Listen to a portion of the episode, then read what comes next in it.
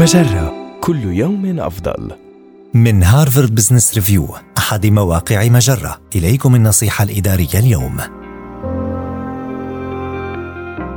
هل تشعر بالتوتر في أثناء إلقاء العروض التقديمية؟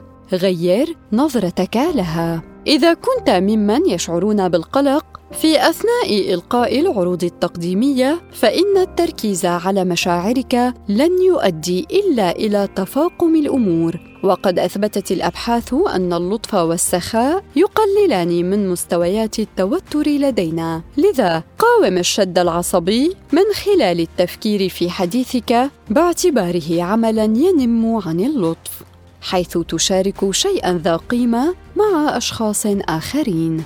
استخدم هذا الإطار عند التحضير للعرض التقديمي وبدلاً من البدء بموضوعك ابدأ ببعض التفكير. سل نفسك من سيكون في الغرفة؟ ما الذي يحتاجون إليه مني؟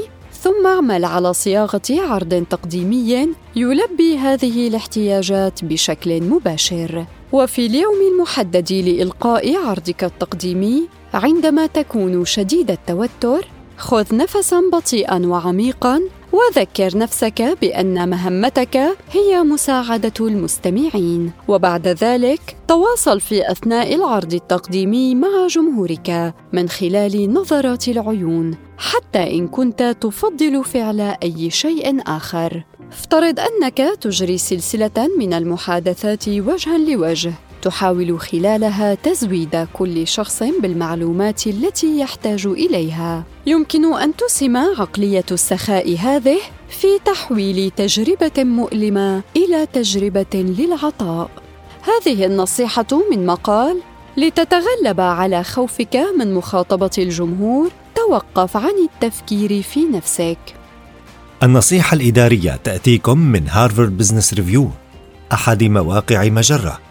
مصدرك الأول لأفضل محتوى عربي على الإنترنت مجرة كل يوم أفضل.